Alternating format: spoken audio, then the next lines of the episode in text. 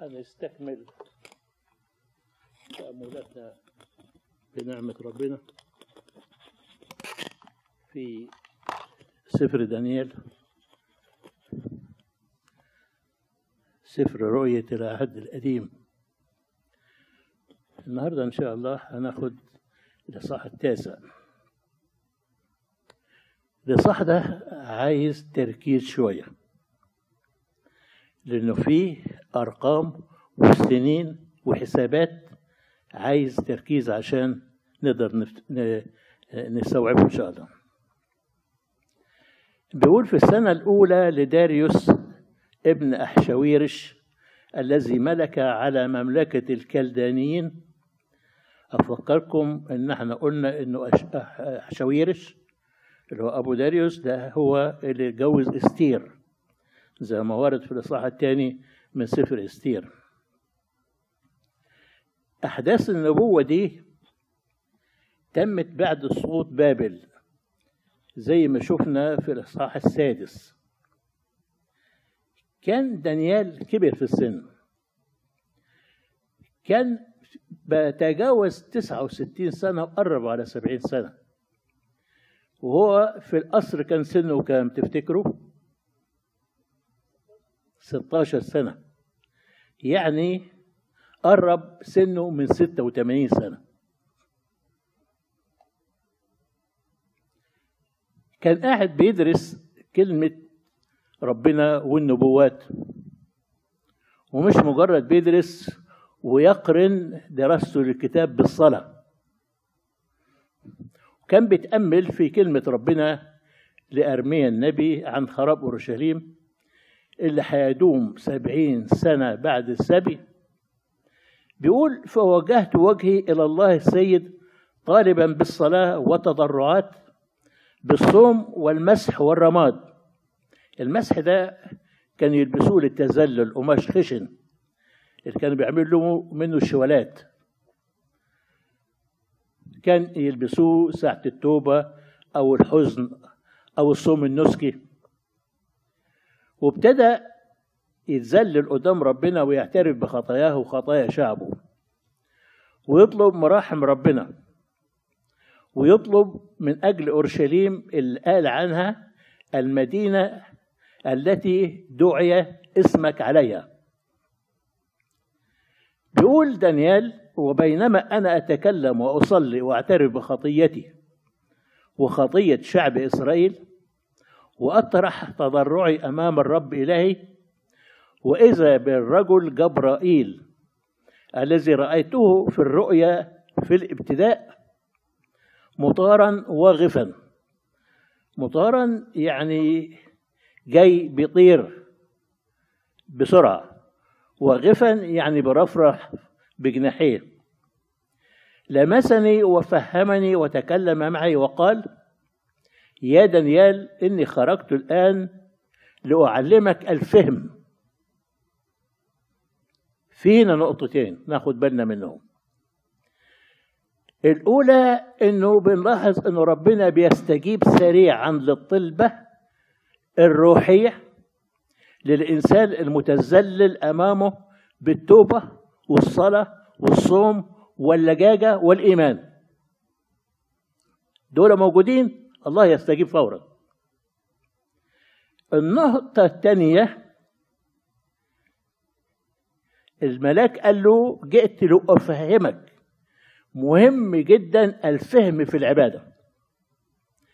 العبادة بدون فهم عبادة ناقصة. صوم بدون فهم مجرد تغيير طعام بطعام. صلاة بدون فهم صلاة فريسية حضور الكنيسة بدون فهم زي ما جه زي ما خرج. ممارسة الطقوس الكنسية بدون فهم هي نوع من عبادة الطقس. لو ناخد بالنا واحدة بنصلي المزامير كل شوية داود النبي يصرخ إلى الله ويقول له فهمني فهمني.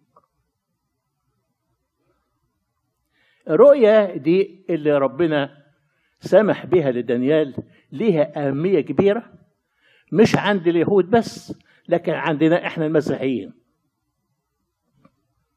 دانيال طلب من ربنا إنه زي ما وعد إرميا النبي إنه بعد سبعين سنة من السبي هيعودوا من السبي وكانت اقتربت السبعين سنة. ارميا النبي بيقول إيه؟ في النبوة اللي بيصلي بيها دلوقتي دانيال. بيقول وتكون هذه الأرض كلها خرابا وقفرا يقصد أورشليم. وتخدم هذه الأمم ملك بابل سبعين سنة. وعندما تتم السبعون سنة أعاقب ده كلام ربنا. ملك بابل وأمته على ذنوبهم كما أعاقب أرض البابليين وأجعلها خرابا أبديا. وفعلا زي ما قال ربنا في سنة 535 قبل الميلاد طبعا وكانت مرت سبعين سنة على السبي غزت إمبراطورية فارس ومادي مملكة بابل واستولت عليها. تفتكروا الكلام اللي إحنا قلناه ده في مرة؟ طلب دانيال بإيمان أنه ربنا يحقق مواعيده بعودة الشعب بعد سبعين سنة. ودانت السبعين سنة يعني خلاص قربت تخلص. النبوة دي جات لتصحيح مفاهيم اليهود. لأنهم كانوا فاكرين بالنبوة دي إنه هيرجعوا من سبي ويؤسسوا مملكة يهودية عظيمة. لكن في هذه النبوة الرب بيقول إنه مش هي دي اللي أنا وعدت بيها. لكن هناك مملكة عظيمة لملك الملوك ليست مملكة عالمية ولا مملكة زمنية ولها ملك دائم إلى الأبد على كل الناس. شرح الملاك جبرائيل لدانيال الملاح المراحل الزمنية القادمة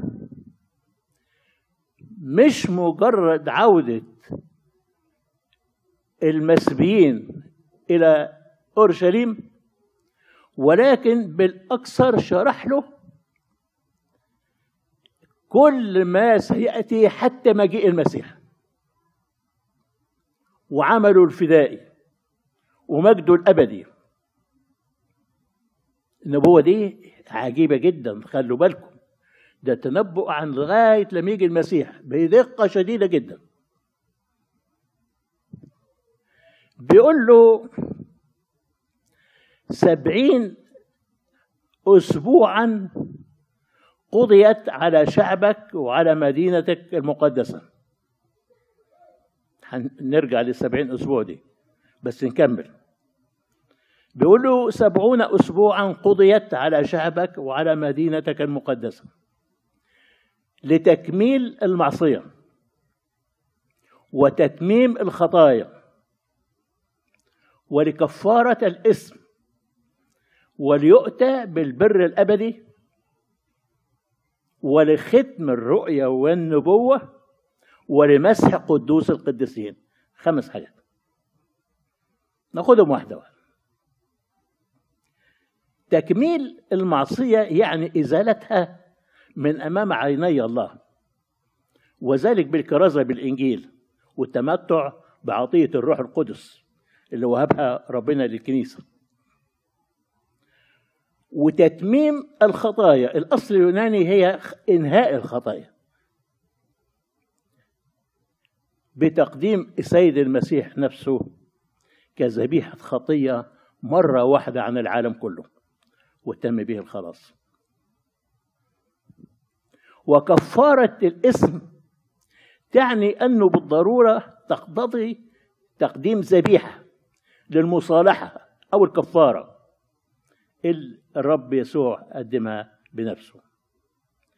وليؤتى بالبر الأبدي وقد أتى البر بملك البر ربنا يسوع.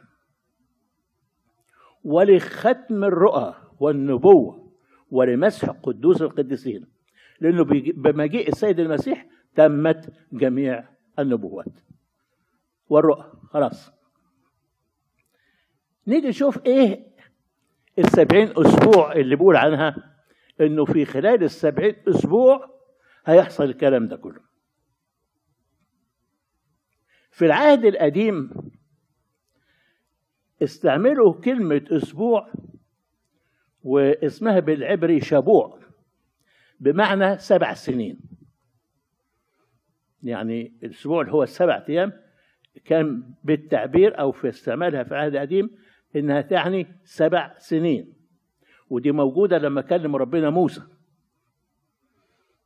يبقى السبعين أسبوع اللي بيقول عليهم ملاك سبعين في سبع سنين يعني 490 سنة. وبيقول له فاعلم أنه من خروج الأمر بتجديد أورشليم وبنائها إلى المسيح الرئيس سبعون أسبوعا. يعني العد يبتدي مش من دلوقتي من أول ما يطلع الأمر من الملك برجوع شعب إسرائيل وبناء وتجديد أورشليم. لو نرجع لسفر عزرا بيقول إنه في السنة السابعة من ملك أرتحشستة يبتدي عد هذا العدد.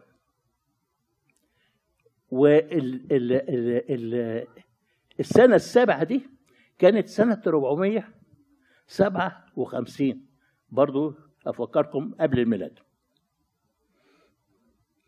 وبعدها بكام سنة كده نحمية تولى تجديد أورشليم وبناء السور واللي بيقرأ سفر نحمية يقرأ بالتفاصيل دي. يعني السبعين أسبوع أي ال 490 سنة تبتدي من سنة كام؟ لسه قايلينها ده أنا قلت لكم في الأول عايزينكم تركزوا شوية معايا. 400 سبعة وخمسين قبل الميلاد. وقسم الملاك هذه المرحلة لثلاث مراحل. السبع أسابيع ال 490 سنة. بيقول فاعلم وافهم أنه من خروج الأمر لتجديد أورشليم وبنائها إلى المسيح الرئيس سبع سنين.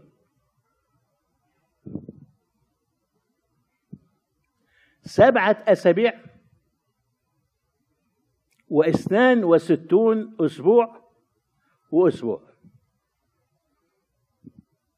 سبعة واثنين وستين. ها؟ تسعة وستين وأسبوع؟ يبقى السبعين بس بقسمهم على ثلاثة خلوا بالكم. وبقول له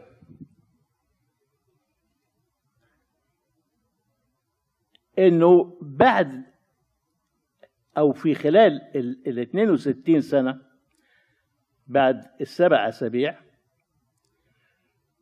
يعود ويبني سوق وخليج في ضيق الأزمنة. وبعد 62 اسبوعا يقطع المسيح. وفي أسبوع واحد وفي وسط الأسبوع يبطل الذبيحة والتقدمة. أنا قلت كلام كتير ما, ما تنزعجوش هنرجع لها. واحدة واحدة بس أنا بقول لكم التفصيل. يعني زي ما قلنا إنه السبعين أسبوع متقسمة لسبع أسابيع. سبع أسابيع يعني سنة؟ تسعة وأربعين سنة. سبعة سبعة بتسعة وأربعين. ماشي؟ واثنين وسبعين أسبوع يبقى كم سنة؟ دي صعبة عليكم شوية. دي 434 سنة. سبعة في 62 والأسبوع الأخير. حتى الأسبوع الأخير قسموا اثنين ثلاث سنين ونص وثلاث سنين ونص. يعني الأسبوع الأخير يعني أسبوع يعني سبع سنين. السبع أسابيع الأولى اللي هي 49 سنة دي كانت من سنة كام؟ إحنا قلناها مرتين لغاية دلوقتي. 457 افتكروا بس الكلام ده عشان نقدر نتابع.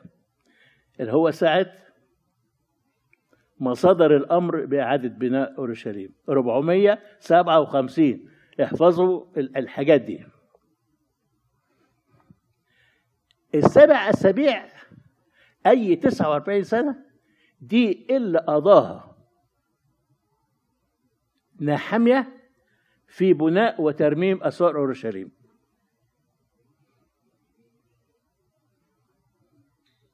وقال إنه فيها يبنى سوق وخليج. سوق يعني أماكن للتجارة يعني تبتدي تزدهر التعاملات. وخليج هي كلمة خليج أصلا معنيها شارع حتى في الترجمة الإنجليزي مكتوب عليها ستريت وال 62 أسبوع اللي بعدها أنتوا منشغلين بإيه؟ نعم.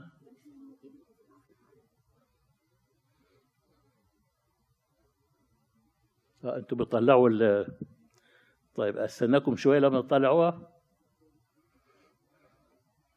إصحاح في دانيال إصحاح تسعة. طيب نكمل عشان وقتنا. الاثنين أسبوع اللي بعدها قصدي ال 62 أسبوع اللي هي 434 سنة. دي كانت من سنة 408 لغاية سنة 62 ميلادية من 408 قبل الميلاد لغاية لما خلص وجه الميلاد وتعدى بعدها 26 سنة يبقوا كام سنة 408 زائد 26 صح؟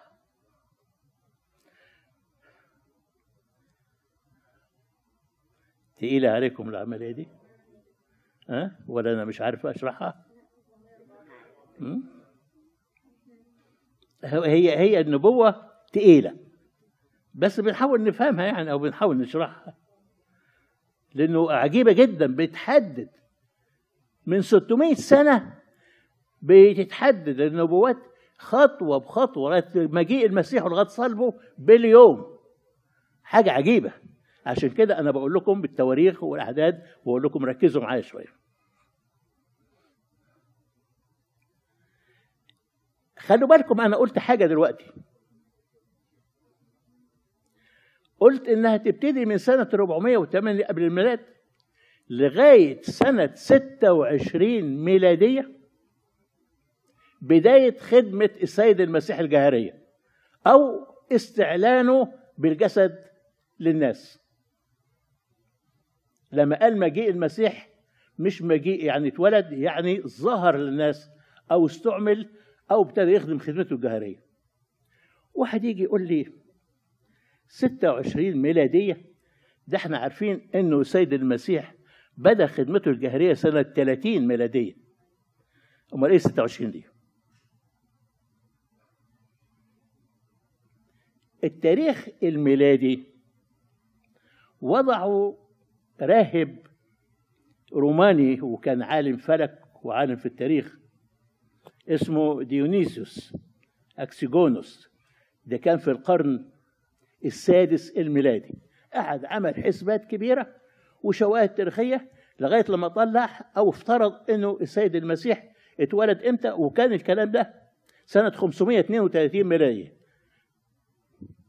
فقالوا من 532 دي بداية السنة الميلادية ومشوا على كده.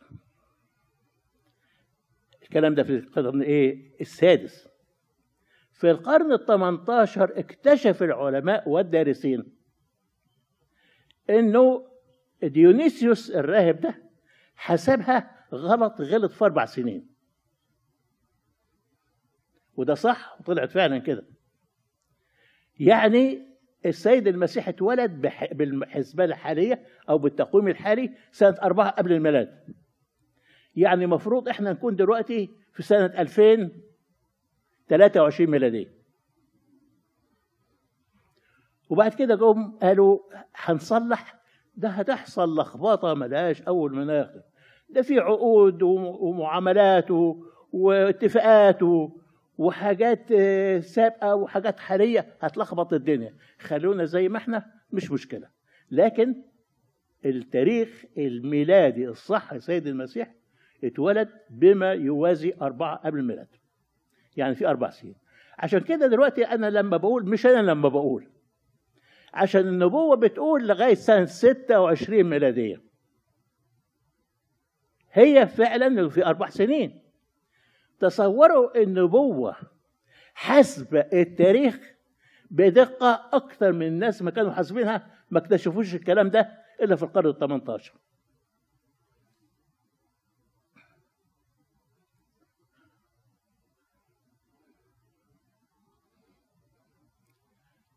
وبعد كده الأسبوع الأخير إحنا قلنا سبع أسابيع 49 سنة و62 أسبوع وبعد كده الأسبوع الأخير اللي هو الأسبوع السبعين.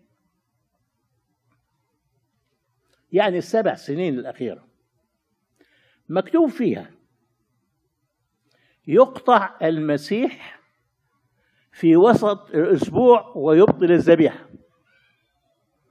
كلمة يقطع دي كانت تستخدم في العهد القديم خصوصا في ورد كتير في سفر الخروج واللوين والعدد بمعنى أن يقتل أو ينفذ عليه حكم القتل.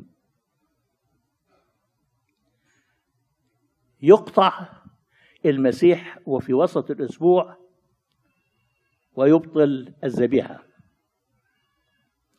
أشعياء النبي تنبأ وقال قطع من أرض الأحياء جعل نفسه ذبيحة اسم. حصل. وفي نص ال- ال- ال- الأسبوع الأخير أي السبع سنين لما نيجي نحسب السبع سنين النص هو ثلاث سنين ونص. اللي هي من بعد ظهوره في الخدمة الجهارية سنة 26 أو نقولها بالتاريخ دلوقتي عشان ما نلخبطش سنة 30 بعد نص الأسبوع اللي هي ما يساوي حوالي ثلاث سنين ونص تم الصلب وتقديم نفسه للذبيحة زي ما بتقول النبوة. اللي هي إحنا بحسبتنا دلوقتي كان عنده 33 سنة وما يقرب من النص.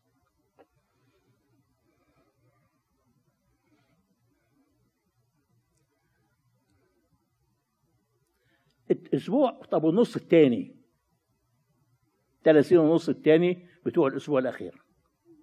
عرفنا إنه صلب السيد المسيح وتقديم نفسه ذبيحة بعد الثلاث سنين ونص من الأسبوع يعني لما كان عنده 33 سنة وما يقرب من النص النص الثاني إيه؟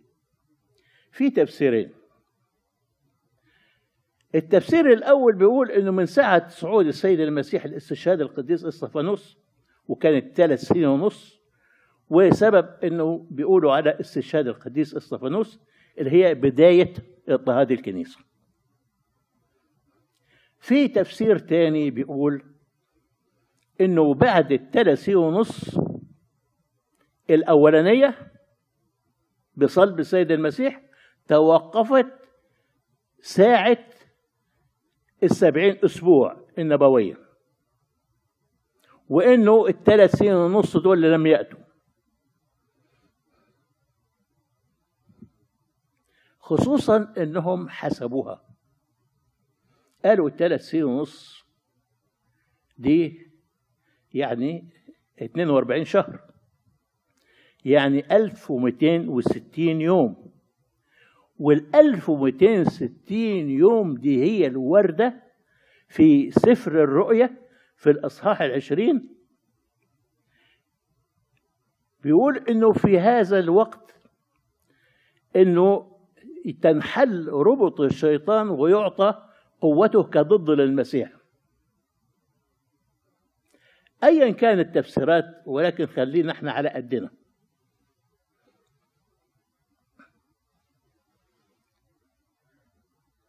بعض ال الناس بيقولوا إنه دي ترمز لخراب أورشليم على يد القائد الروماني تيتوس. في أنتوا طلعتوا الإصحاح ولا لأ؟ نعم. إحنا لسه ما خلصنا التاسع. آه. هذه في الآخر هات الآية في الآخر عشان أنا مش شايف بظهري. اللي بيتكلم فيها خراب أورشليم.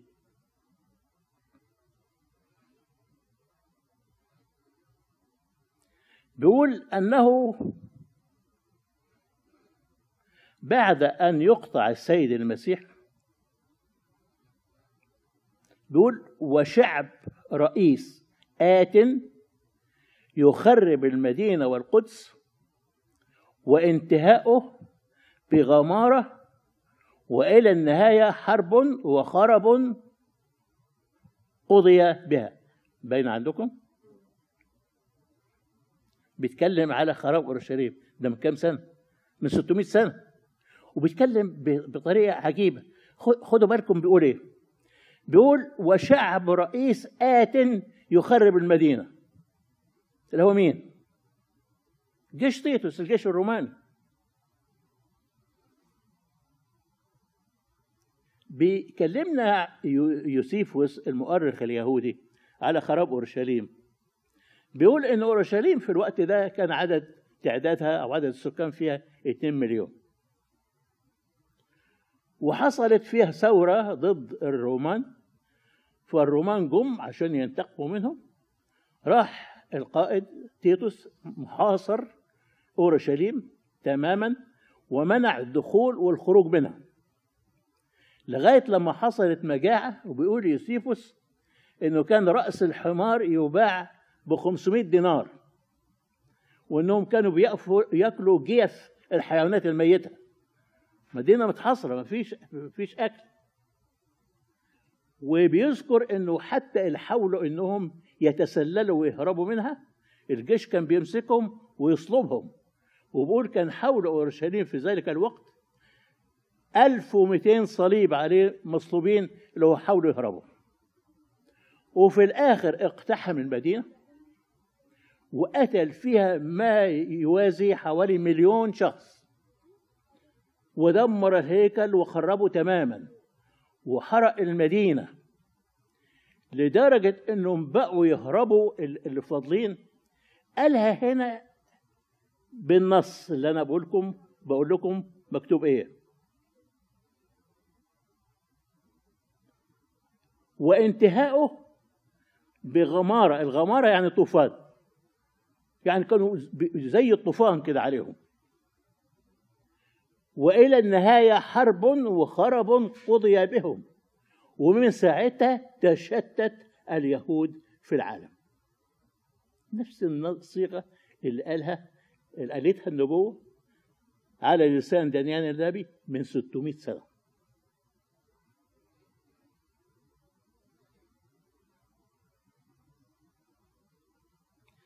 في كتير من اليهود فهموا النبوة دي. حتى إنه السيد المسيح لما جه كان في ناس فاهمينها ومنتظرين مجيء المسيح. بنقرأ في الإنجيل عن سمعان الشيخ وكان رجل في أورشليم اسمه سمعان وهذا الرجل كان بارا تقيا ينتظر تعزية إسرائيل يعني منتظر مجيء المسيح. حتى لما شال يسوع الطفل قال له الآن تطلق عبدك يا سيد بسلام حسب قولك لأن عيني قد أبصرت خلاصك. وحنا بنت فنوئيل النبية كانت في الهيكل ما برضو اتكلمت وسبحت عن جميع المنتظرين فداء أورشليم. ده مش اليهود بس ده حتى السامريين. كانوا برضو فيهم ناس منتظرين مجيء المسيح في حديث السيد المسيح مع المرأة السامرية. قالت له إيه؟ أنا أعلم أن مسيح الذي يقال له المسيح يأتي. ده مش كمان كده ده حتى بين الأمم والوثنيين كان هناك ما يتوقع مجيء المسيح. زي مين؟ المجوس. كانوا متوقعين ولما شافوا النجم عرفوا إنه جه.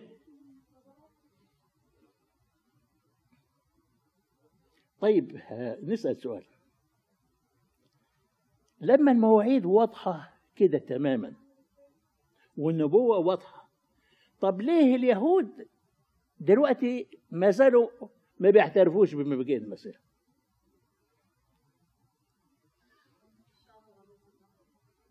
هو فعلا شعب غليظ الرقبة وربنا أسلمهم إلى ذهن المرفوض.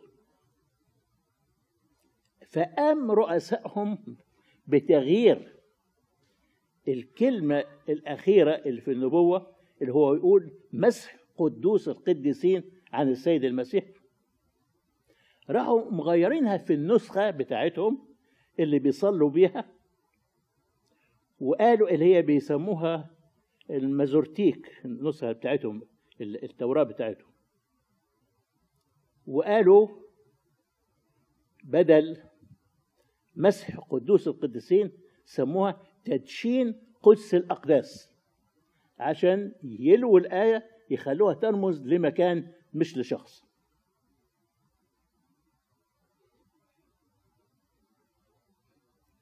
طيب قبل ما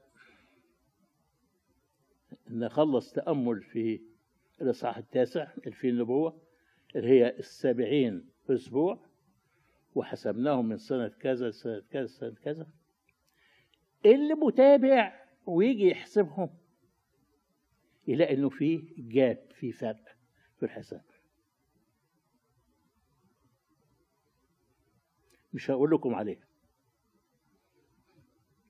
حاسبكم لما تروحوا ترجعوا تفتحوا الكتاب وتقروا صح التاسع وتحاولوا تشوفوا إيه هو الجاب ده. اللي يعرفها يقول لنا عليها. واللي ما يعرفهاش هنقول له عليها. اللقاء الجاي إن شاء الله عشان نقرأ الكتاب ونراجعه وفي فايدة. في الإصحاح العاشر أو بالأصح من الإصحاح العاشر للإصحاح ال 12 هي نبوة واحدة. جاية بصورة واضحة وكلمات محددة بتبدأ من زمن دانيال وكانت هذه النبوة قبل ما ينتقل دانيال بمدة قصيرة خالص بعدها انتقل. لأنه في نهايتها الملاك بيقول له اللي هو في الساعة 12 لما نوصل له أما أنت فاذهب إلى النهاية فتستريح وتقوم لقرعتك في نهاية الأيام. الرؤية الرابعة والأخيرة لدانيال زي ما بيقول السفر كانت في السنة الثالثة لكورش ملك فارس. كان سنه حوالي ستة وثمانين سنة قبل انتقاله بوقت قليل. بيقول كنت نائحا ثلاثة أسابيع لم آكل طعاما شهيا. كان دانيال صايم صوم اختياري من مش من الأصوام اليهودية المقررة. وكان صايم بيقول ولم آكل طعاما شهيا. في السن المتقدمة دي كان صايم صوم نسكي. لأنه دانيال ارتبط دايما بالصلاة والصوم والاعتراف. وحتى بالنسبة للطعام امتنع عن أكل أي طعام شهي ده الصوم الروح المقبول مش في دانيال ودلوقتي وفي كل زمان. الصوم الروح المقبول هو إنه لا يأكل اكلا شهيا ولا ما بقاش صوم. لأنه الصوم هو أصلا فرصة للتذلل أمام الله طلبا للتوبة للتذلل وليست للتلذذ. مارس دانيال السيطرة على شهواته عاش بالتذلل أمام الله بالصوم والصلاة والاعتراف. فربنا اداله نعمة شوف وصل مرتبته بين الكلدانيين. والاعمال المجيدة اللي عملها على يديه. إنه طرح أصنامهم وروض الأسود في الجب وأهلك التنين زي ما هنعرف بعد كده في الإصحاح ال 14 وبشر بالتجسد اللي إحنا كنا بنتكلم عنها دلوقتي. وفسر الأسرار الخفية دي كلها ربنا مديها له نتيجة حياته الروحية. الرؤية دي رأى دانيال في رؤياه أنه على جانب النهر العظيم دجلة يتأمل في معامله الله. بيقول ونظرت فاذا برجل لابس كتانا وحقواه متمنطقتان بذهب اوفاز الحقوين يعني الوسط. وذهب أوفاز يعني ذهب نقي أو من مكان أو مدينة اسمها أوفاز دي كتب عنها أرميا النبي في, في الإصحاح العاشر بالفضة مطروقة تجلب من ترشيش وذهب من أوفاز. فاكرين ترشيش دي بتاعت يونان. وبيكمل بيقول جسمه كالزبرجد ووجهه كمنظر البرق وعيناه كمصباحي نار وذراعاه ورجلاه كعين النحاس المصقول وصوته كصوت جمهور. الأوصاف دي تقريبا هي اللي وردت في سفر الرؤيا ليوحنا الرائي. يوحنا الرائي بيقول وفي وسط السبع المناير شبه إنسان متسربلا متسربلا بثوب إلى الرجلين ومتمنطقا عند ثدييه وشبه ابن الإنسان متسربلا بثوب الرجلين ومتمنطقا عند ثديه بمنطقة من ذهب أما رأسه وشعره فأبيضان كالصوف الأبيض كالثلج وعيناه كلهيب نار ورجلاه شبه النحاس النقي كأنهما محميتان في أتون وصوته كصوت مياه كثيرة. تقريبا الكلام اللي قاله دانيال شافه يوحنا الرائي وبيقول دانيال ولما سمعت صوت كلامه كنت مسبخا على وجهي ووجهي إلى الأرض. مسبخا يعني شبه مغمى عليه يعني. لأنه غلبه مجد الرب فسقط على وجهه. وخرج قواه. و... نعم. لا ده كان صوت ربنا. ده كان صوت ربنا. وإذا بيد لمستني وأقامتني مرتجفا على ركبتي وعلى كفي يدي. ده الملاك. لكن ال...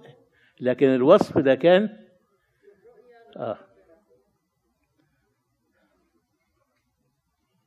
واضح إنه دانيال شاهد الرؤيا وهو منبطح على الأرض.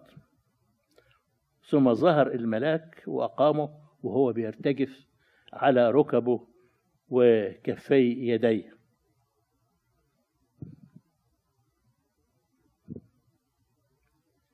ربما كان الملاك جبرائيل بيفسر له الرؤى زي ما شفنا قبل كده في الرؤية الثالثة اللي اتكلمنا عنها. فبيقول وإذا بالرجل جبرائيل الذي رأيته في الرؤى في الابتداء يعني اللي قبل كده وفهمني وتكلم معي. قال له هل عرفت لماذا جئت إليك؟ ده مين اللي بيقول الكلام ده؟ الملاك. فالآن أرجع وأحارب رئيس فارس. يعني أنا جيت عشان أعلمك الأمور اللي بتتسلمها كإجابة للصلاة ولكن أنا رايح مرة أخرى عشان أحارب رئيس فارس لأنه لا يريد أن يحرر مسبي إسرائيل. فإذا خرجت هوذا رئيس اليونان يأتي. بيكلموا على أنه بعد ملك فارس أو مملكة فارس هوذا رئيس اليونان سيأتي يحكم حكم يعني هيجي حكم الإمبراطورية اليونانية. إحنا قلنا كان بابل. ثم استولت عليها مين؟ فارس ومادي ثم استولت عليها الإمبراطورية اليونانية وبعد الإمبراطورية اليونانية الرومانية. ولكني أخبرك بالمرسوم في كتاب الحق. ولا أحد يتمسك معي على هؤلاء. يعني بيطمنوا أن هناك خطة إلهية محكمة لمقاومة الشر. مستمر في أيام فارس وأيام اليونان وغيرها من الإمبراطوريات. ولكن هناك خطة إلهية محكمة للعناية وحماية الله لكنيسته ولشعبه وفي الآخر بيقول له ولا أحد يتمسك معي على هؤلاء إلا ميخائيل رئيسكم. يعني إرسالية إرسالية الملكة دي مستمرة لا تتوقف زي ما كانت في القديم زي ما هي موجودة معانا في الجديد. بيكمل الرؤية بتفاصيل نبوية لأحداث لمدة تزيد عن 350 سنة. جات مطابقة تماما للأحداث التاريخية اللي حصلت بعد كده. الرؤية دي واخدة الإصحاح ال11 كله. ويعتبر إصحاح 11 ده من أعجب الإصحاحات اللي قدمت نبوات تفصيلية دقيقة. أكثر من أي حاجة ظهرت في الكتاب المقدس. تتطابق تماما مع التاريخ اللي حصل فيها. مش هندخل في تفاصيلها لكن اللي بيحب التاريخ أو بيقرأ التاريخ يقرأ النبوة دي في الإصحاح ال 11 ويراجعها على كتب التاريخ اللي بعد كده ويشوف اللي حصل. اللي اتقال في النبوة حصل فعلا بالتاريخ وباليوم وبالسنة وبالأشخاص وبكل حاجة حاجة غريبة جدا.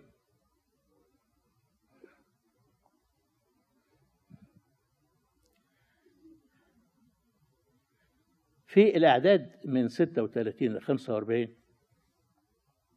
في نهاية الإصحاح بيتكلم على نهاية الأزمنة. البعض بيفسر اللي جه في الجزء ده. إن نهاية الأزمنة هي الإمبراطورية الرومانية اللي تجبر فيها ملوكها وأهانوا الديانات. وكانت عبادتهم للقوة والمال والشهوات الإمبراطورية الرومانية دي كانت فظيعة قوي والبعض بيفسر إنه دي تعني بظهور ضد المسيح اللي ظهرت في إحدى الرؤى في شكل القرن الصغير. تفتكروا؟ والبعض بيفسرها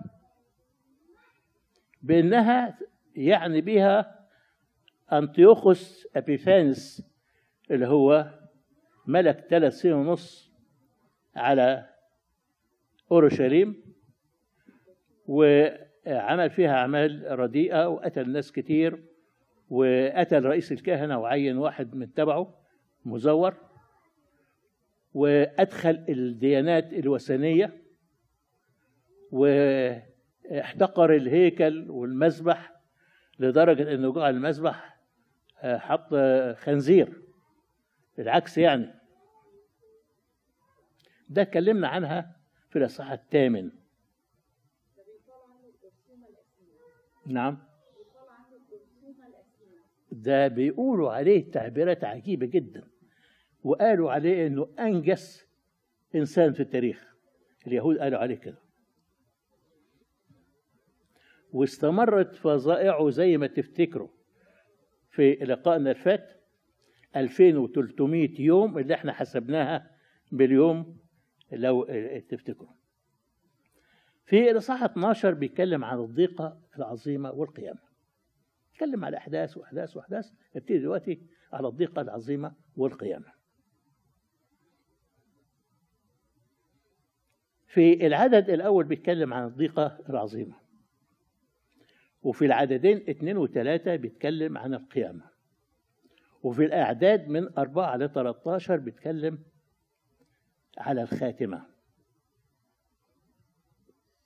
بيتكلم عن الضيقة العظيمة بيقول وفي ذلك الوقت يقوم ميخائيل الرئيس العظيم القائم لبني شعبك ويكون زمان ضيق لم يكن منذ كانت أمة إلى ذلك الوقت.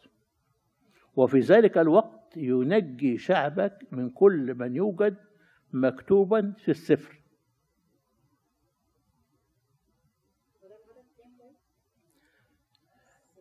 ده من أربعة ل 13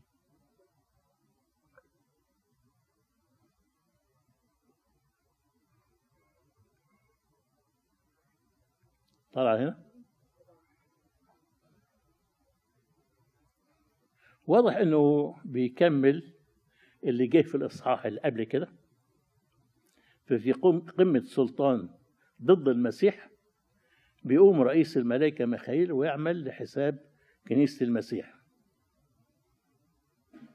وده نفس الكلام ورد في الإصحاح ال 12 من سفر الرؤيا. بيقول يوحنا الرأي وحدث حرب في السماء. ميخائيل وملائكته حاربوا التنين وحارب التنين وملائكته ولم يقوا فلم يوجد مكانهم بعد ذلك في السماء. دي في فترة الضيقة العظيمة اللي قال عنها السيد المسيح الوردة في الإنجيل حسب معلمنا متى في الإصحاح 24 لما سألوا تلاميذه عن إيه هي علامات انقضاء الظهر. قال لهم متى نظرتم ركسة الخراب التي قال عليها مين؟ دانيال النبي. اللي هي موضوع موضوعنا اللي بنتكلم فيه دلوقتي. واتكلم عن تفاصيل ومؤشرات عنها لغاية لما قال هكذا أنتم أيضا. متى رأيتم هذا كله؟ فاعلموا أنه قريب على الأبواب. الكلام ده كلام مين؟ السيد المسيح زي ما قلنا لما سألوه إمتى يكون نهاية العالم.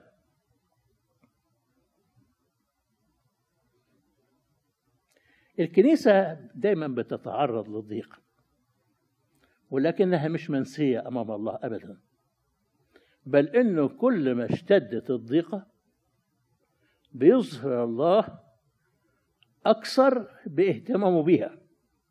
وإنها في يد مخلصها السيد المسيح اللي بيعمل لبنيانها ويستخدم ملائكة ورؤساء ملائكة لحمايتها.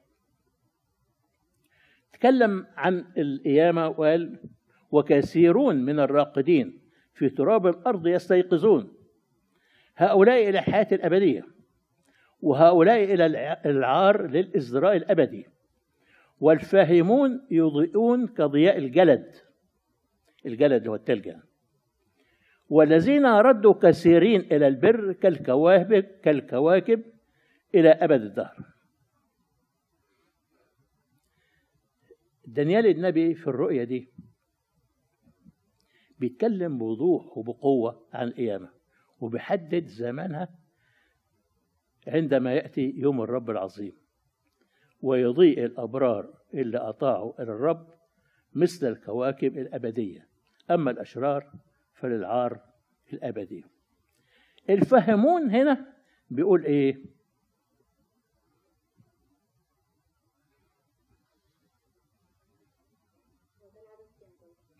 بيقول الفاهمون يضيئون كضياء الجلد اللي هي التلج. الفاهمين اللي هم مين؟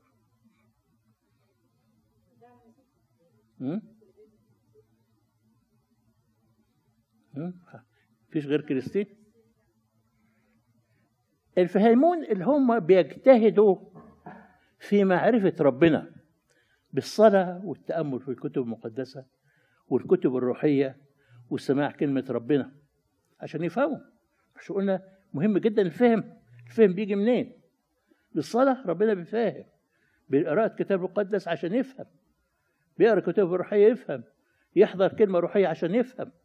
ده سماهم الفاهمون اللي عايزين يفهموا. مش اللي بيأدوا فريضة ما لهمش مكان. واللي ردوا كثيرين إلى البر بيقول يضيئون كالكواكب الأبدية. دول يقصد بيهم المبشرين والداعين إلى معرفة ربنا آه، وال- والخدام بس بعد ما يكونوا اختبروا هم شخصيا. شبههم كالكواكب إلى أبد الدار وبعد كده طلب منه إنه هو يختم السفر لأنه يحوي أسرار لا يعرفها الجميع. أما أنت يا دانيال فاخفي الكلام واختم السفر إلى وقت النهاية. دانيال نفسه بيقول وأنا سمعت وما فهمت. ونفس الكلام ده سمعناه من يوحنا الرائي. بيقول ولما رأى يوحنا السفر الذي عن يمين الجالس على العرش بيقول يوحنا فصرت أبكي كثيرا لأنه لم يوجد أحد مستحقا أن يفتح السفر ويقرأه. يمكن يقصد بالختم هنا إنه بقاء النبوات غير واضحة لغاية لما يتحقق ده في ملء الأزمنة وتتكشف أسرار المجيء الثاني. اختم السفر. كانت الأشياء اللي نطق بها الأنبياء في القديم مختومة للفريسين غير المؤمنين. ظنوا أنهم يفهموا الناموس بالحرف وهم ما بيفهموش حاجة. بيقول أشعياء النبي السفر المختوم الذي يدفعونه لعارف الكتابة. يعني بيعرف الكتاب يعرف يقرأ أو اللي بيقرأ مجرد بيقرأ. اقرأ هذا فيقول لا أستطيع لأنه مختوم. مش فاهم مخه مش متفتح مش فاهم عشان كده إحنا دايما بنتكلم على أهمية الفهم في حياتنا الروحية. أي عبادة بدون فهم عبادة غير مقبولة. واتكلمنا لسه من شوية بنقول صلاة بدون فهم صلاة فريسية. الفريسيين كانوا بيصلوا كتير. مشهور عنهم إنهم بيصلوا كتير. والصوم المشهور عن الصوم على الفريسيين إنهم كانوا يصوموا كتير ويصوموا كل يوم اثنين وخميس. حتى صدقة حتى النعناع كانوا بيعشروا وبيدفعوا العشور عنه. ولكن كله كان بدون فهم ما عملهمش حاجة.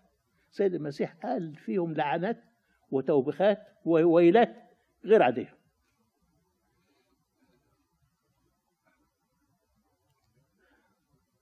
لكن في العهد الجديد بيقول يوحنا الرائي الملاك قال لي لا تختم على أقوال نبوة هذا الكتاب لأن الوقت قريب. ها أنا ذا آتي سريعا وأجرتي معي لأجازي كل واحد كما يكون عمله. فتحت المعرفة لأولاد العهد الجديد بالنعمة التي للمسيح يسوع. نكتفي بالجزء ده النهارده. ونكمل في لقائنا الجاي بنعمة ربنا.